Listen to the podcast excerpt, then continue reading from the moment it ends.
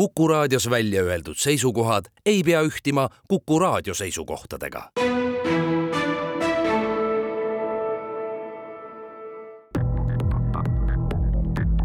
krimiraadio, Krimiraadio tere taas, eetris on värske Krimiraadio. nagu ikka, on stuudios ajakirjanikud Raul Ranne ja Karel Reisenbuk.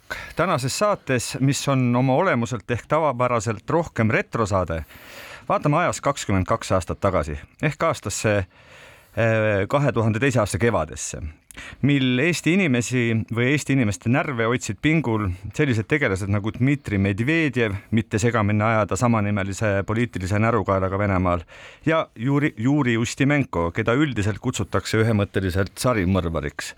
ehkki mees on endale selle tiitli omistamise asju, asjus kohtusse kaevanud, aga kohus ütles ikkagi selgelt, et sarimõrvar on sarimõrvar.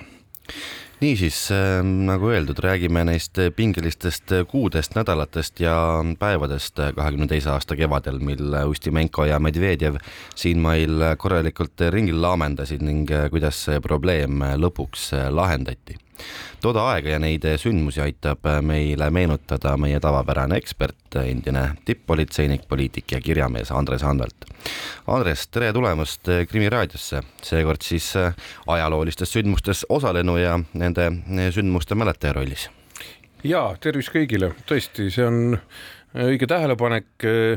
sellel ajal oli mul au ja uhkus juhtida Keskkriminaalpolitseid, kes kogu Ustimenko saagat ja avastamist ka juhtis Äh, Medvedjev ja Ustimenko või siis vastupidi, Ustimenko ja Medvedjev äh, olid ju Eestis olnud juba mõnda aega, aga alustama peaks vist, vist uudisega, mis juhtus kaheksateistkümnendal märtsil kahekümne, kahe tuhande teisel aastal öösel või varahommikul kell neli kakskümmend kaks, kui äh, Tallinna kesklinnas Roosikrantsi tänaval asuva jahimaailma relvapoe ukse ees kargatas põrgumasin. mäletad sa, Andres, mis mõtteid see plahvatus tekitas, äh, kirjelda hetke, sest äh, võib-olla tolleks ajaks ju plahvatused enam nii tavapärased ei olnud, kui nad olid näiteks üheksakümnendatel. ja kindlasti ma arvan, sellest peabki üldse pihta hakkama ehm,. olin seal sündmuskohal väga, väga varakult, ma arvan juba kuskil kella kuue paiku hommikul ehm,. sündmuskoha vaatlus oli just algamas või käis täies hoos kohal oli peale keskkonnaapolitsei, oli siis ka tavapärane pommiplahvatuse uuriv eh, siis kaitsepolitsei eh, koha peal me, me lahendasime ära ka uurimisalluvuse küsimused, kuna oli üpris selge, et mm, selle tapamasina töö taga mm, ei olnud väga professionaalne pomm, mida me olime harjunud nägema üheksakümnendatel, aga oli, nagu öeldakse, ise tehtud eh, lõhkeseadeldis, oli palju eh, leeki tuld, mis tähendas seda, et eh, nagu hiljem välja tuli, oli ka tegu siis süttivate ainetega, nii et see kõik komplektis pani igal juhul sündmuskoha vaatama natuke teistmoodi, kuid jah,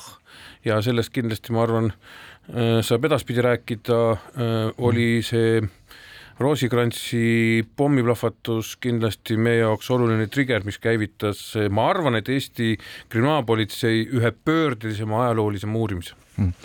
Aga milliseid mõtteid äh, või versioone see esialgne nii-öelda sündmuspaiga ülevaatamine äh, andis nagu, et oli ju selge, et äh, noh, üldjuhul plahvatuste taga oli sageli miskisugune kas kättemaks organiseeritud kuritegevuse poolt või midagi taolist, et mis mõtted siis toona Ja, see plahvatus tekkis, sest selge oli ju see, et toona veel ei teadnud keegi nimesid Ustimenko ja Medvedjev, vaid see oli üks plahvatus Tallinna kesklinnas, eks ole. ja ähm, noh, üheksakümnendatel sellise politseilise või kriminaalpolitseilise äh, siis praktilise hariduse saanud inimesena igasugune plahvatus, süütamine ei ole midagi muud kui äh, seotud väljapressimise, katuse pakkumise, kõige muuga sellega.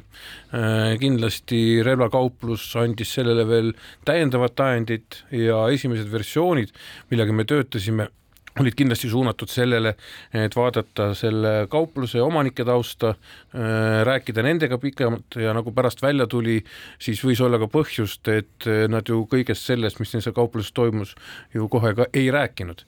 aga äh, üldiselt see olukord muutus üpris varsti, aga sellest siis võib-olla edaspidi juba natukene no sa juba tegelikult juhatasid natukene sisse, sealt ähm, relvapoest võeti kaasa relvad, siis püstol Valter ja, ja revolver Ruger ning hulga laskemoona, aga nagu sa ise ütlesid, siis äh, alguses kõigest ei räägitud, omanik tegelikult nende relvade kadumisest ju politseile teada tegelikult ei andnud, miks see nii oli? no sellel võis olla mitu põhjust, tegelikult ma arvan, üks kõige äh, reaalsem põhjus oli see, et, et äh, selles kaupluses polnud kõik korras äh, relvade hoiustamise, väljapanekuga ja kõige muuga sellisega. Äh, võib-olla poemüüja lootis sellest kuidagi mööda minna, ei oska öelda, jäägu see tema südametunnistusele. igatahes meie jaoks oli see oluline, võib-olla mitte tagasilöök, aga pidur edasises menetluses, sellepärast et kui hakkasid toimuma meile tundmatute relvadega, eks ju, kuriteod mööda Eestit, siis võib-olla oleks kokku pannud need asjad natukene varem, kuigi eh, veel kord rõhutan, väga suur pidur see ei olnud, sellepärast kokku me panime need kuriteod natukene teistel andmetel mm. Paneme need tolleaegsed olud ja võimalused paika, kuivõrd äh, laialt olid kasutusel näiteks videokaamerad ja kas olid siis ka kättesaadavad, noh, ütleme mingisugused esialgsed kaadrid nendest, kes seal sündmuspaigal olid hommikul ehk et juba võimalik mingisugused kujud äh, välja vaadata, kahtlusalused ja, või olid seal muud mingisugused tehnilised andmed või mis olukord see kahe tuhande teise aasta kevadel oli? kahe tuhande teise aasta kevad oli tegelikult väga murranguline Eesti kriminaalpolitsei eh, siis tehnilise võimekuse jaoks. Eh, esiteks me olime saanud oma karastuse eh, keskturusaaga uurimisest. me olime õppinud läbi analüüsima tuhandeid, kui võib-olla isegi mitte miljoneid baite erinevat informatsiooni, mida me saime mobiiltelefoni operaatoritelt, tol ajal oli väga tähtis infoallikas ka muidugi selline asi nagu taksofonikaart, ka sellel oli oma koodid ja asjad, mis jätsid maha ja andsid tookord väga palju juurde, millest võib-olla tänapäeva nooremad kuulajad isegi ei tea, mis asi see on. ja, ja peale selle on sul õigus jah, et me asusime ka kõigepealt räägin natuke paari sõnaga sellest analüüsist, eh, miks see oli vajalik, sest me hakkasime otsima selle piirkonna eh, ütleme siis eh, mitte rutiine või ütleme niimoodi tavapärasest mööda kõikumisi, ehk mis see tähendas, on olemas üks piirkond, selles piirkonnas elab teatud elanikkond, kellel on omad rutiinid, millal keegi helistab kuhugi, kuidas liiguvad. ja kui midagi uut seal tekib, eks ju, hmm. siis kindlasti see on alus millegi uurimiseks, ehk me tegime sellest suurest massist kümnetest tuhandetest telefonikõnedest, mitte ainult seal piirkonnas, aga Tallinnas laiemalt, mingit liikumist teha selgeks, teha liikumist näiteks taksojuhtide puhul, sest nagu pärast ka välja tuli, need inimesed, Ustimenko, Medvedjev, inimeseks nüüd paha nimetada, need mm -hmm. pätid käisid seal ikkagi eh, ka taksodega, eh, taksosid telliti ja sealtkaudu me panime sinna juurde veel see, millest juttu oli, siis eh, videopilti. et tegelikult kõige selle juures, juurest me saime aru sellest, et on olemas üks ebakõla on olemas mingisugused tüübid, kes seda piirkonda on külastanud, nad käisid seal kohas muideks luurel, eks ju, eh, mitu korda ja selle pinnalt me hakkasime eh, koguma materjali juba muude kuriteodega seostamiseks mööda Eesti, üle Eesti. Ma tulen hetkeks tagasi eh, nende pommide juurde, mm, mis seal plahvatasid, oli kokku kolm tegelikult, üks siis oli see, mis selle ukse sealt eest ära lasi, aga kaks vist pommi oli mõeldud äh, nii-öelda mm, politsei jaoks, et äh, kui on äh,, hakkab äh, pihta äh, põgenemine, oli vist nii, Andres? jaa, see oli meie jaoks selline muideks tavapäratu, sellepärast me ei mäletanud sellist juhtumit üheksakümnendatest.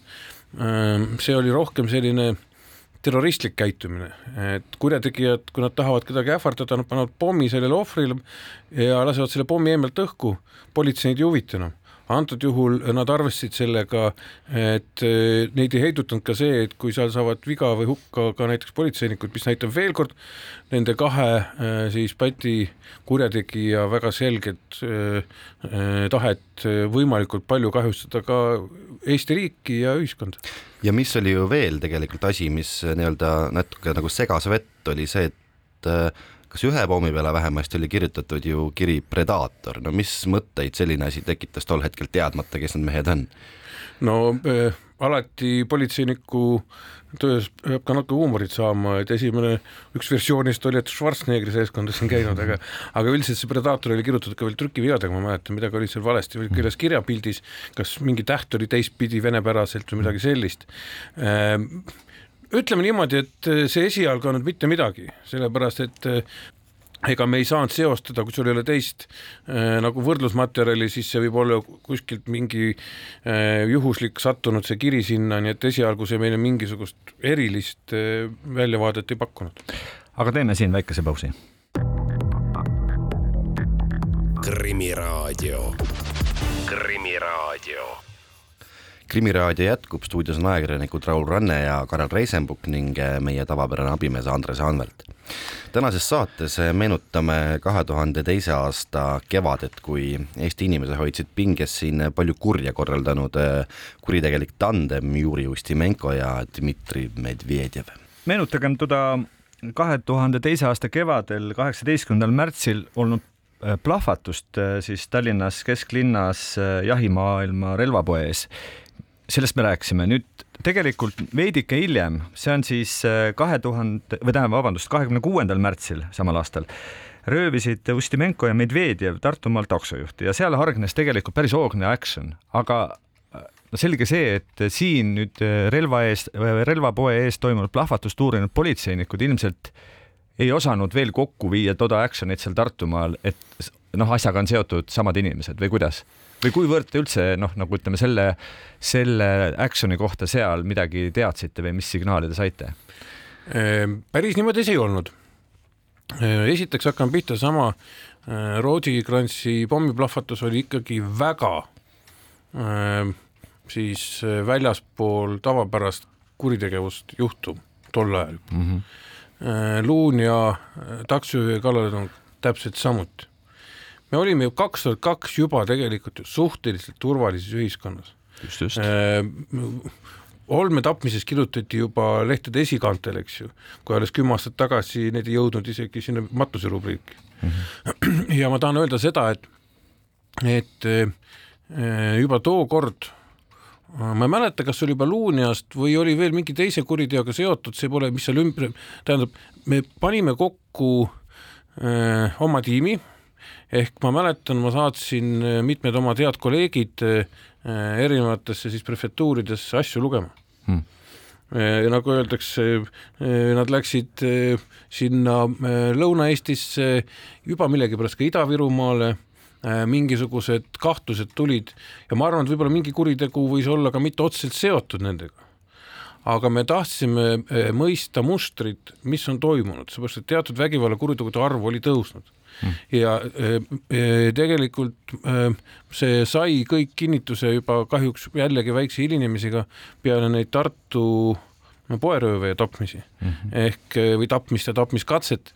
Ehk siis oli juba kõik selge, aga, aga ikkagi juba mingil hetkel meil oli noh, kuidas me ütleme eesti keeles siis ühine jälitustoimik tundmatute isikute suhtes, kes eh, võivad sooritada Eestis kuritegusid. Ja ka siis me juba mõtlesime teatud vihjete pinnalt, et eh, kuna kuritegelikus maailmas mingisugust otsest infot ei tulnud, eh, vanglast vabanenud selliseid tüüpe ei olnud, sellise ütleme käekirjaga, et need võivad olla välismaalt või siis Venemaa poolt üldjuhul sisse tulnud Äh, aga me tuleme kindlasti äh, nende jälile tagasi, et ähm, kuidas nad lõpuks ka kätte saadi ja mis sellele kõige, kõigele veel eelnes. aga võib-olla hüppaksime korraks nüüd kahe tuhande esimese aasta sügisesse sest äh, tegelikult siis ju kaks Sankt-Peterburi mereväe instituudi õppurit otsustasid siis kodumaalt ja, ja mereväest põgeneda ning üle Narva jõe ujudes Äh, Eestisse tulla ning siis oma endise koolikaaslase juures end äh, Sillamäel sisse seada.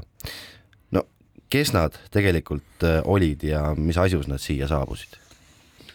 seda sai pärast, kui oli ütleme, nende taust juba selge ja siis me hakkasime tagasi kerima.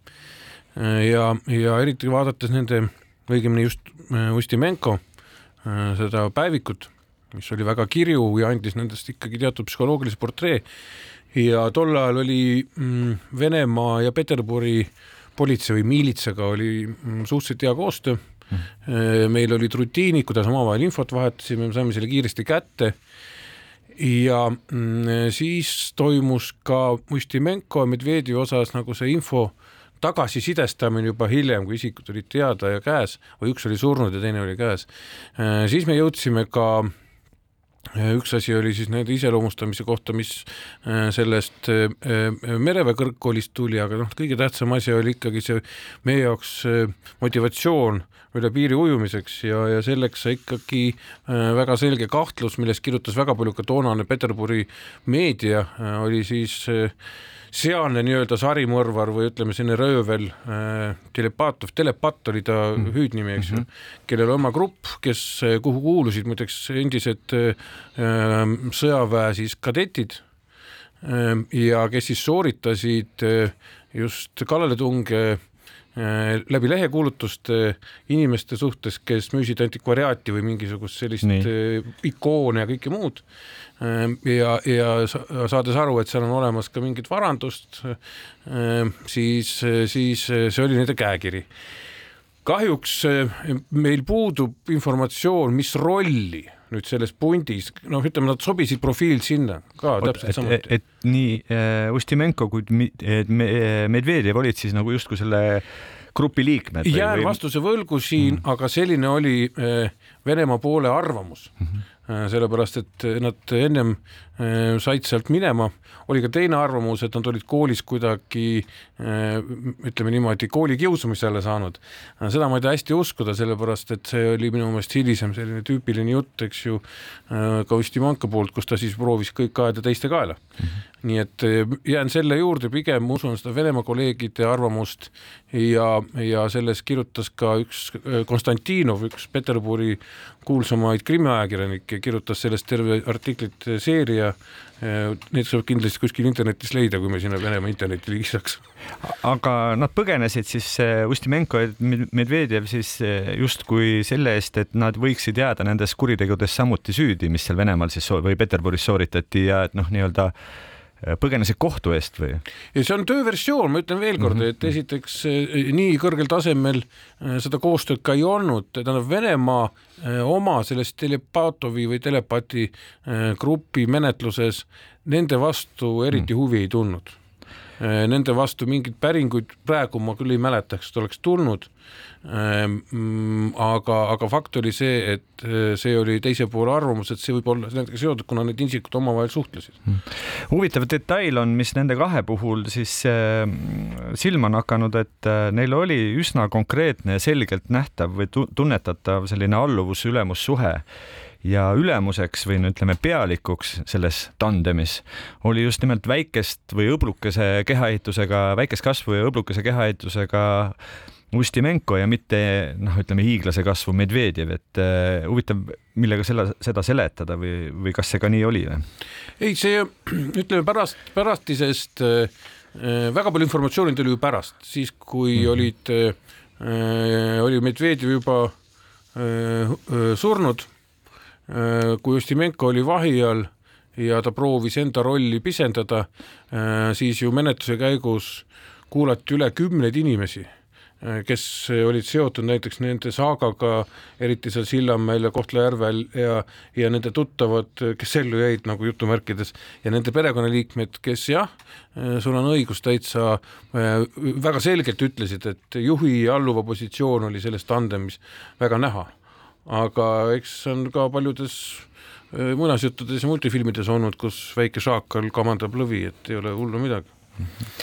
Kohtla-Järve ja Sillamäe äh, tegelikult jutuks tulid äh, kahe tuhande esimesel aastal äh, sügisel siis, kui nad siia saabusid ja, ja Sillamäel end tuttavate juures sisse seadsid, siis üsna pea, kahe tuhande esimese aasta sügisel hakkasid nad Sillamäelt Tallinna tänavatel inimestelt mobiiltelefoni röövimas käima. noh, see telefon müüdi siis mõne tuhande krooni eest teinekord maha juba samal päeval peamiseks müügikohaks äh, oli siis kas, ma ei tea, keskturg või, või siis ostjaid leiti ka ajalehest, äh, selline ajaleht nagu äh, privaatinfo mm, kuulutuste kaudu. meenub teile see röövimiste laine ka, Andres? ja muidugi, selles mõttes, et pärast, kui me tagasi kerisime, jällegi ma ütlen, et, et sellel hetkel, kui me tegutsesime nendega juba ütleme Tartu jälje järgi ütleme ja Roosikrantsi, siis ei olnud seal midagi eriti pistmist sellega. Vahetult enne nende kinnipidamist me jõudsime ju selle noortegrupini Eh, kes nende ümber tegutses, me ju viimastel päevadel liikusime niimoodi, et nad olid eelmine päev kuskilt lahkunud, kui me sellesse korterisse jõudsime, kedagi üle kuulasime. see oli kahju muidugi, aga äh, nemad äh,, esiteks mobiiltelefon, eriti tol ajal oli kõige kindlam äh, röövimise objekt, sellepärast et seda sai kiiresti maha müüa, sest musta turu hind ja poehind oli äh, väga suure vahega äh,. Aga mis on tähelepanuväärne, mida ma tahan öelda? Tähelepanev on see, et Ustimenko ja Medvedjev minu mäletamist mööda, vähemalt võib-olla lõpus juba, kui nendel oli vesi ahjus, aga tol ajal, kaks tuhat üks sügisel ise neid telefone mitte kordagi kasutanud. me hilisemalt tuvastasime, et nemad olid suured taksofoni fännid, et selles mõttes, et nendel olid kaasas need taksofoni kaardid, eh, millega siis sai ühest või teisest eh, taksofonist oma kõnesid teha, sõpradega kokku leppida. Aga mobiiltelefoni oma röövitud, nii palju aimu neil oli, et nad said mm. aru, et see on jälg, mis võib neid kiiresti paljastada ja, ja seal mobiiltelefonide kõrval nad muidugi proovisid ka autosid varastada, seal oli järjest just nimelt selle kahe tuhande esimese aasta lõpus kolm juhtumit, kus üritati kas auto, autosid koos juhiga või ilma juhiga varastada või röövida, et needki on nagu üsna kõnekad juhtumid, et seal see jultumus või selline jõhkrus kasvas iga korraga nagu aina suuremaks.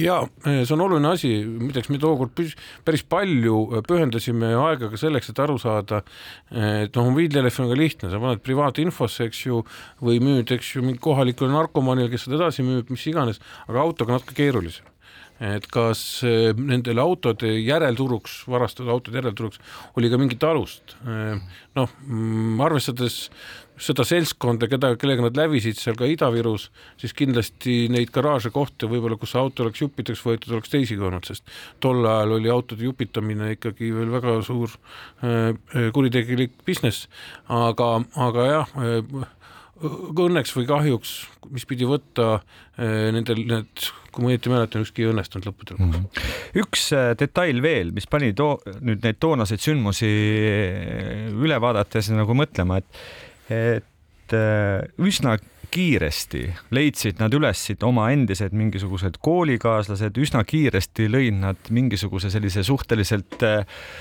konkreetselt ja kiirelt töötava ja hästi töötava niisuguse grupeeringu või kuritegeliku ühenduse, et kuivõrd hiljem on nagu analüüsimist leidnud see värk, et ütleme, Eestis elavad Venemaal õpp-, Venemaa sõjakoolides õppinud tegelased, kes siin ikkagi noh, üsna, üsna selliselt ütleme, käsu või võimaluse avanedes ka kohe ka tegutsema asusid, et praegust vaadates see tundub lausa kõhe, kui kergelt see kõik käis ja nüüd valmistudes sellest saateks ja natuke meelde tuletades, siis ma ise jõudsin samasele arusaamale et tookord me võib-olla ei pööranud sellele nii palju tähelepanu, äh, sellepärast et äh, inimestevaheline suhtlemine üle piiri oli tookord ju väga lihtne sõideti nii, et äh, Sõpruse sild vaevu püsis püsti, mõlemas suunas.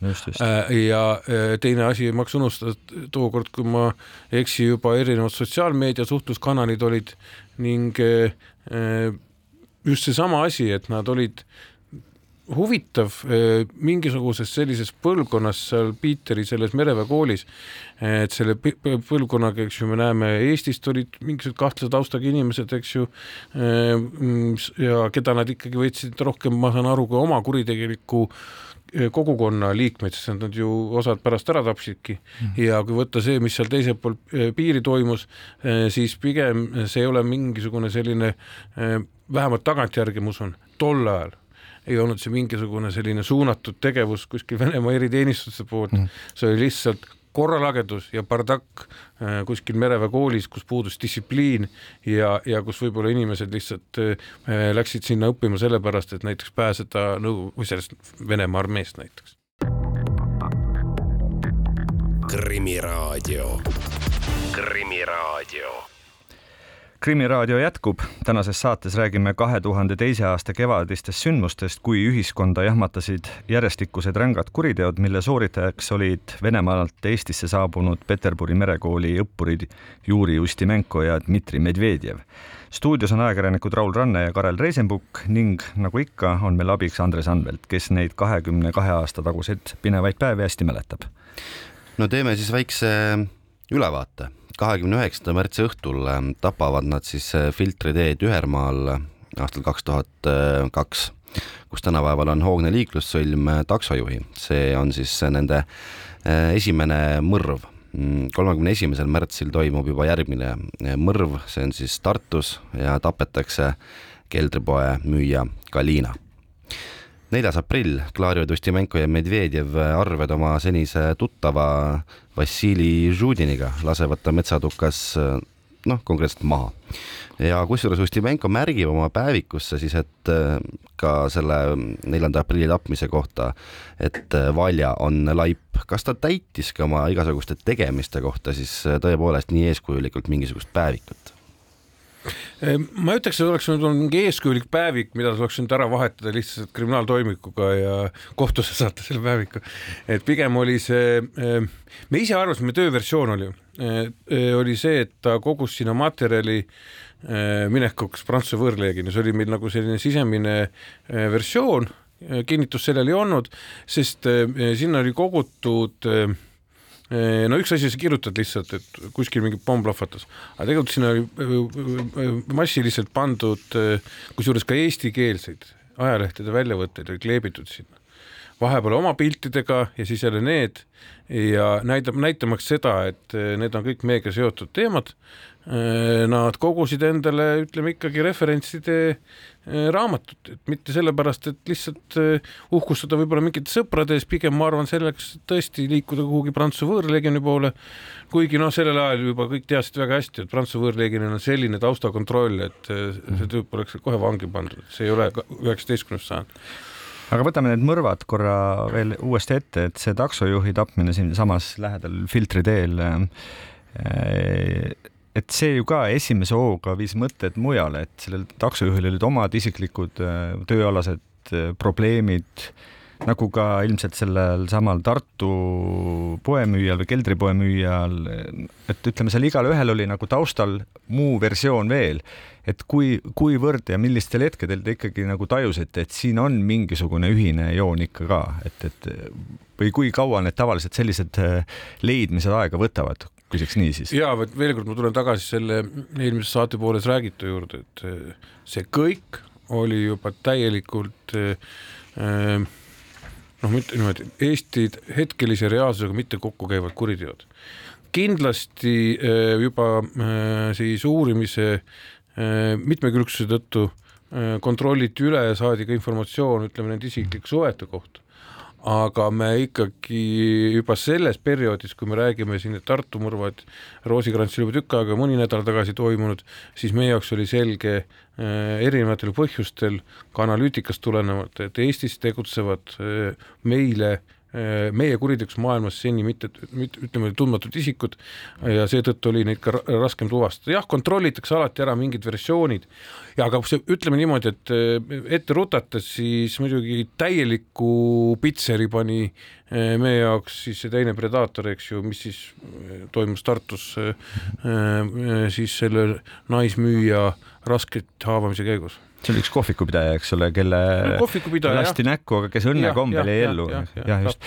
see toimus kümnendal aprillil äh, Tartus Riia mäel äh, sellises äh, nii-öelda kohvikpoes nimega Suhkru Sips, eks ole, aga ma mäletan, et selle asja juures oli üks selline huvitav nüanss, et tegelikult teil läks vist kümme päeva kaduma, sest keegisugune Eesti Janek arvas, et tema peaks kuidagi räägi see lugu ära, mis, mis, ega ma väga palju ei mäleta, mäletan seda, et äh, see noormees jalutas lihtsalt äh, politseisse sisse, teatas, et see on tema kuritegu mm. -hmm. ja, ja ajas äh, väga palju erinevaid versiooni selle kohta.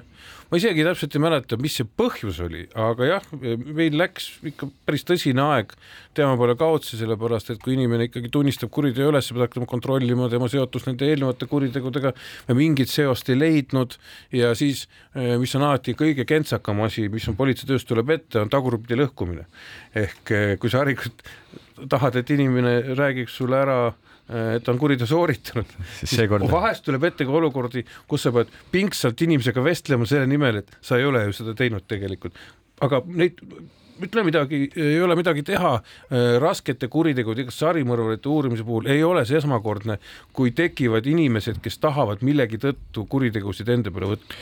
ei, nende sündmuste tagantjärgi lugemisel selgub ikka üsna palju selliseid asjaolusid, mis toona päris kindlasti uurimist ja menetlust segasid, olgu see siis seesama Janek, kellest me just rääkisime, või siis see relvapoe omanik, kes jättis oma relvad või röövitud relvadest teatamata.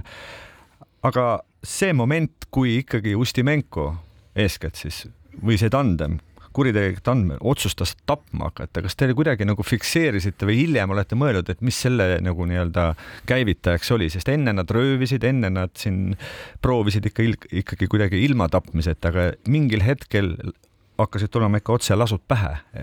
Ja see peaks olema nagu kuidagi nagu mingil põhjusel ikkagi toimuma. ja see ongi see, see ongi see, mis pani meid kohe mõtlema, et see ei ole tavapärane Eesti kriminaalne tänapäev selleks ajaks. Ja ma arvan, et see oli nendel ikkagi väga selgelt ette kavatsetud muutus, sest nad nägid, et eh, nende seniste vahenditega mingi see pisargaas või pipragaas, eks ju, eh, või midagi muud sellist, ei ole võimalik saavutada sellist nagu kuritegelikku positsiooni, mida nad taga ajasid. Mm.. ei ole võimalik panna, eh, sa ei saa oma päevikut täita, eks ju, sellega, et esiteks ei kirjutata sellest, et kuskil kalamajas või kuskil mujal rööviti mingit prouat, see ei ole selline teema, mis jõuaks kuskil esikaane. -hmm. ja nad said aru sellest, et sellest on vähe nende teise inimese psühholoogiat on väga raske hinnata, aga nad said aru, et ma arvan niimoodi. et ja minu kolleegid ka tookord arvasid, me arutasime seda väga palju, et nende ikkagi motiiviks käituse muut-, käitumise muutmisel, muutumisel oli see, et, et nad tahtsid kuidagi ennast talletada siis sellesse kriminaalsesse ajalukku ja selleks oli vaja tõsisemaid kuritegusid, selleks oli vaja tulirelva ja, ja nagu Äh, ütles kunagi, tol ajal ta enam ei töötanud politseis, üks minu äh, endine hea kolleeg ja õpetaja Koit Pikaru, et et esimene kord on äh, raske inimest tapva, teist korda on nagu noa, noaga läbi või sooja noaga läbi või, et, et nende puhul ka ma arvan, et see üks hetk, see murrang toimus siis, kui nad nägid, et see ei võta nendel tüki käest, küljest ära ja veel üks huvitav asi, mis kahe tuhande teise aasta kevadel juhtus, oli see, et eh, nad pöördusid nii-öelda omade vastu, ehk siis need mingisugused eh, põhjused olid, et eh, kamraadid, kes andsid neile kas öömaja või osalesid nende mingisugustes kuritegelikes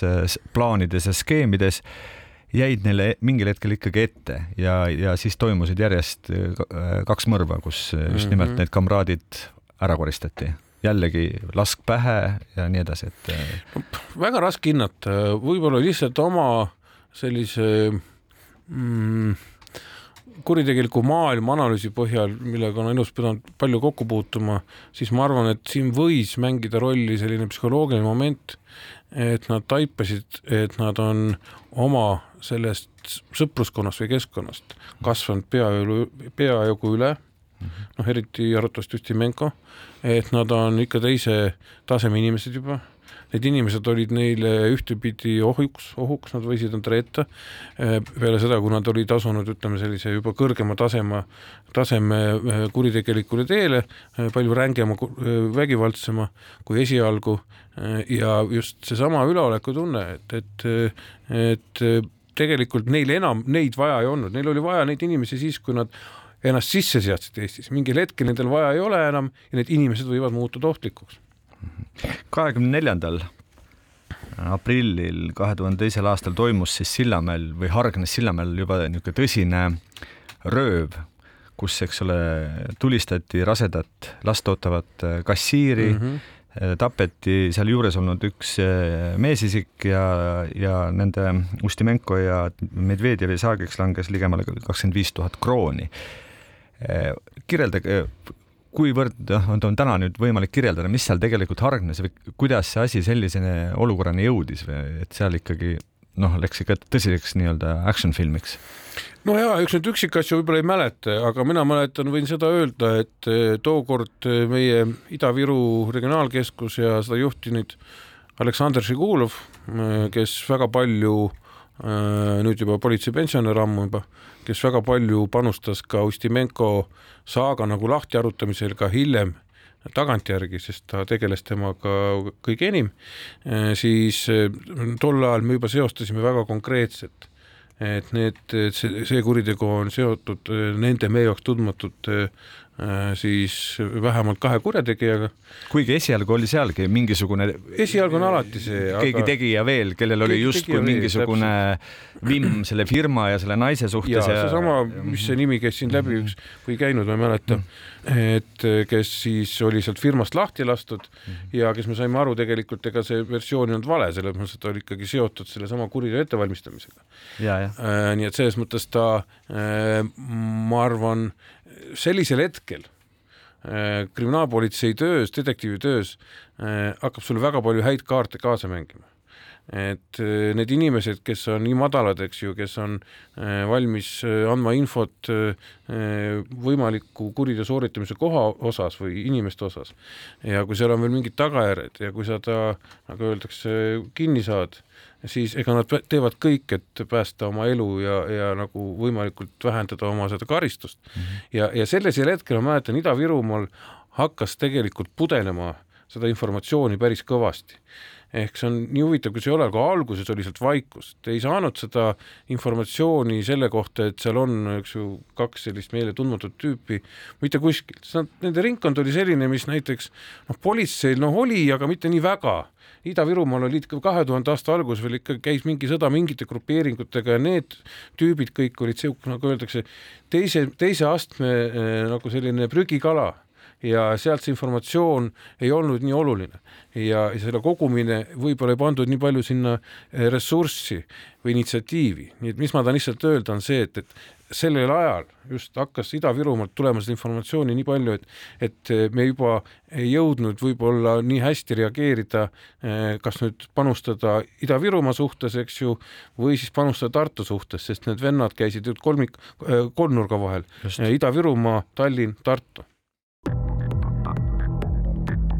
Krimiraadio, Krimiraadio krimiraadio viimane veerand on jätkumas, stuudios on ajakirjanikud Raul Ranne ja Karel Reisenbuk ning abiks on meil Andres Anvelt ning räägime kahe tuhande teise aasta kevadistest sündmustest, kui mööda Eestit olid võiks isegi öelda, et tapatalgutel kurjategijad Juri Justimenko ja Dmitri Medvedjev kahekümne, pärast kahekümne neljandal aprillil toimunud siis röövimist Sillamäel seal puuvil, puuviljalaos, eks oli siis Ustimenkole Medvedjevil raha. kakskümmend viis tuhat või ligemale kakskümmend viis tuhat krooni oli toona siiski ju juba mingi raha, see võib-olla täna ümber arvestades tundub vähene, aga siiski toona päris suur raha. ja, ja nad seavad ennast juba nagu püsivamalt Tallinnasse sisse. Kuivõrd, kui nüüd tagasi mõelda, teie tollel ajal neil juba jälil olite kui tegelastel või noh, ütleme, kui kaugel te neist olite siis sellel hetkel? Mm, ja mingil hetkel kuupäevaliselt nüüd ei ütle, aga just need Ida-Viru sündmused, nagu ma ennist mainisin ennem seda reklaamipausi, siis äh, seal hakkasid inimesed, nagu öeldakse, järjest pragunema, eks ju, kes olid seotud selle viimase kaasusega ja sealt järgmised tulid välja veel noored inimesed, kes või noorte inimeste seal õed, kui ma ei eksi, emad, kes tegelikult Ustimenkot ja Medvedjevit olid näinud. sealt tulid välja ka, ka mõned kõnekaartide võimalikud esinemised, helistamised. nii et tegelikult me jõudsime Tallinnas neile suhteliselt, me jõudsime isegi tegelikult nii kaugele järgi, et me ühelt aadressilt saime nende isiklikke asju, mingid isegi pildid pildid olid eksitavad, sellepärast et vist oli juba pead värvitud ja nii edasi. ja, ja seetõttu need pildid olid vanemad, siis mingil hetkel me jõudsime selleni, et nad olid kasutanud päris palju konspiratsioonivahendeid, nad olid võltsinud endale näiteks mingeid pressikaarte mm. -hmm see olevat olnud hea pärast hilisemalt, ma saan aru, selleks, et tüdrukutega, tüdrukutega äh, tutvuda, teie teate seda paremini, kas mõjub vahi. või mõjub või ei mõju, seda ma ei oska öelda, aga, aga selliseid asju nad tegid ja, ja see, aga see oli jällegi niimoodi, et no nii nurjatu nagu see töö vahest ei ole, eks ju, et me olime kogu aeg samm maas, maas neist. -hmm. ehk eh, võib-olla ka kõigil juhtumitel jälle üksikasju ei hakka rääkima, kõik allikad ei olnud ka võib-olla niivõrd noh, ütleme niimoodi tõepärased või äh, rääkimisaldid, kui pärast äh, nad tunnistasid, äh, mistõttu meil juba mingil hetkel vahetult enne nende kinnipidamist oli ikka mitmeid inimesi juba võetud, tookord sai seaduse järgi võtta kümneks,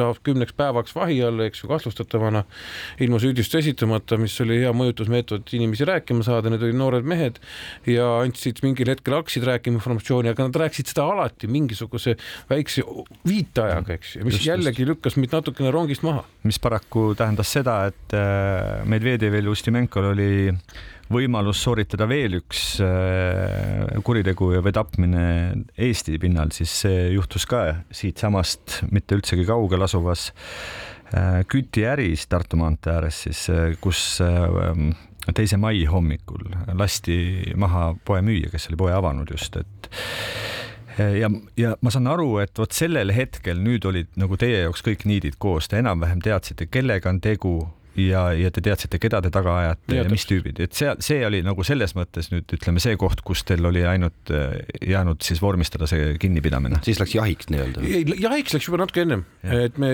ma ütlen veelkord, me juba ennem, me jahtisime neid juba ennem, meil olid olemas nende pildid, meil olid olemas nende eh, nimed me teadsime seda selgelt juba, et nad ei ole Eesti elanikud, nad on väljamaalt tulnud Venemaalt.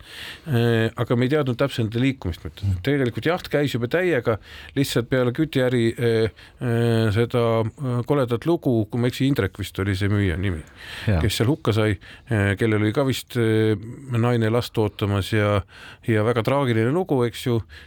põhjus oli ju väga lihtne nende kurjategijate jaoks, nad oli laskemoona vaja täiendavalt. ja, ja selleks, et hakata liikuma Nad olid juba suund, kõik nad lahkuvad Eestist. Nad olid juba lahkumas Eestist. Nad olid jah. lahkumas Eestist, nendel oli vaja viimane sats sinna ära teha, et sellega siis Eestis panna väidetavalt sinna Prantsusmaa poole teele.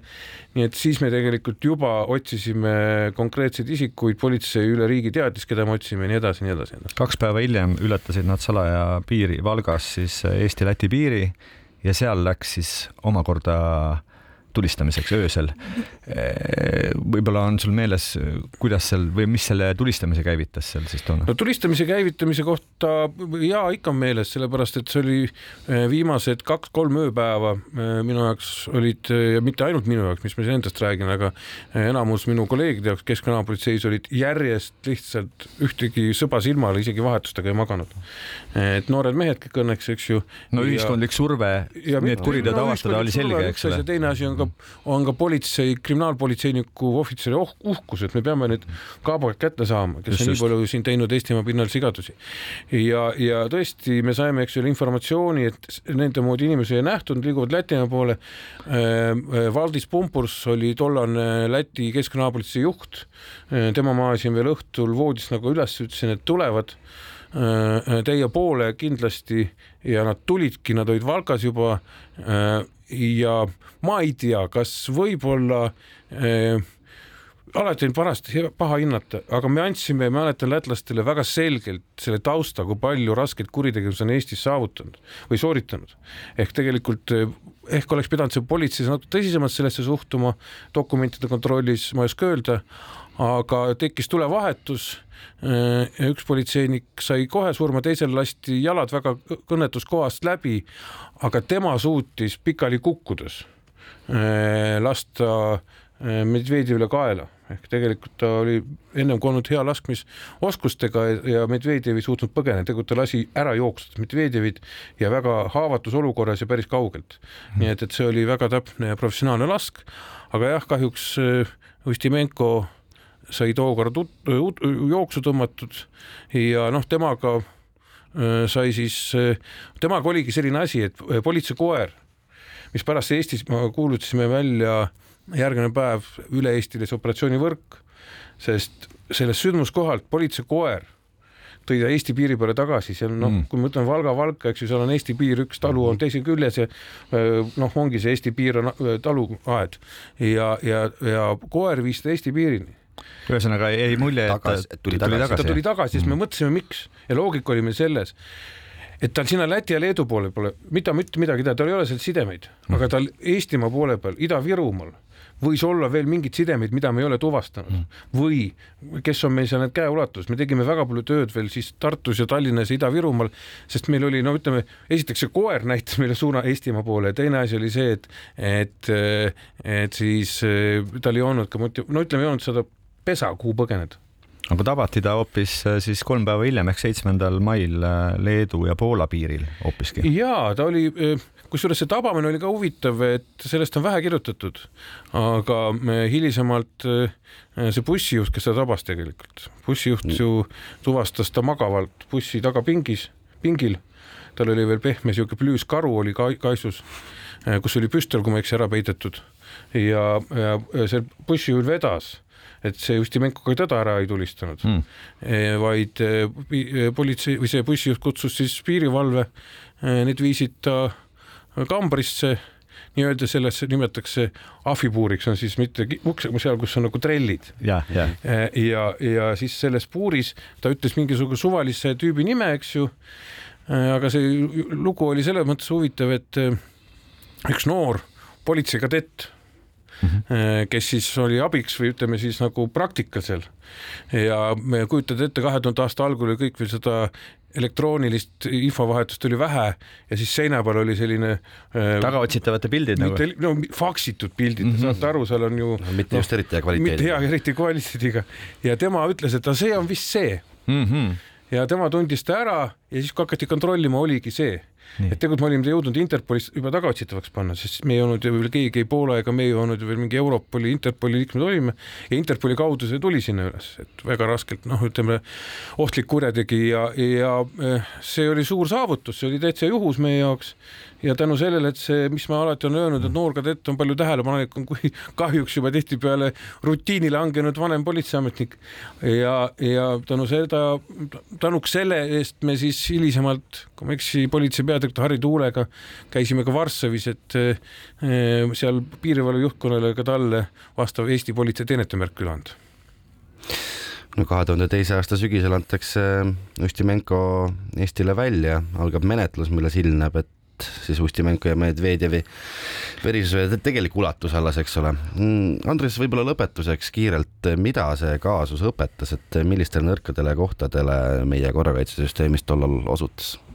Ma arvan, et see oli ajalooline kaasus, kiiresti kokkuvõttes oli see, et me võtsime tol ajal kasutusele ütleme siis väga kõrgetasemelise analüütikaprogrammi.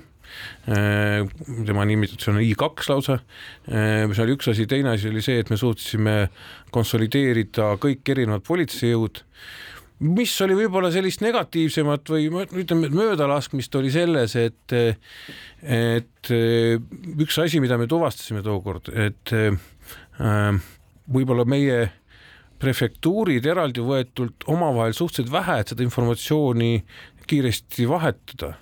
ja üks põhjus muideks, see on küll kaudne põhjus aga millest ma olen ise kunagi rääkinud ja mis on ka politseijuhid öelnud, et näiteks ka hilisem eh, prefektuuride ühendamine, selle üheks siis nagu hoorattaks oli see äh, Ustimenko ja Medvedjevi juhu, juhtum, kus siis saadi aru, et see informatsioonivahetus peab olema kiirem, et seda ei saa ainult keskkonnaabrits üksinda vedada aga kahe tuhande neljanda aasta märtsis ehk umbes täpselt kakskümmend aastat tagasi mõisteti Ustimenko esimese astme kohtus eluks ajaks vangi, karistus jääb jõusse ka kõrgemates kohtuastmetes. ja sellega on meil tänane saade ka läbi. Ustimenko istub jätkuvalt oma, oma karistust vanglates. täname kuulajaid ja täname ka Andres Anvelti.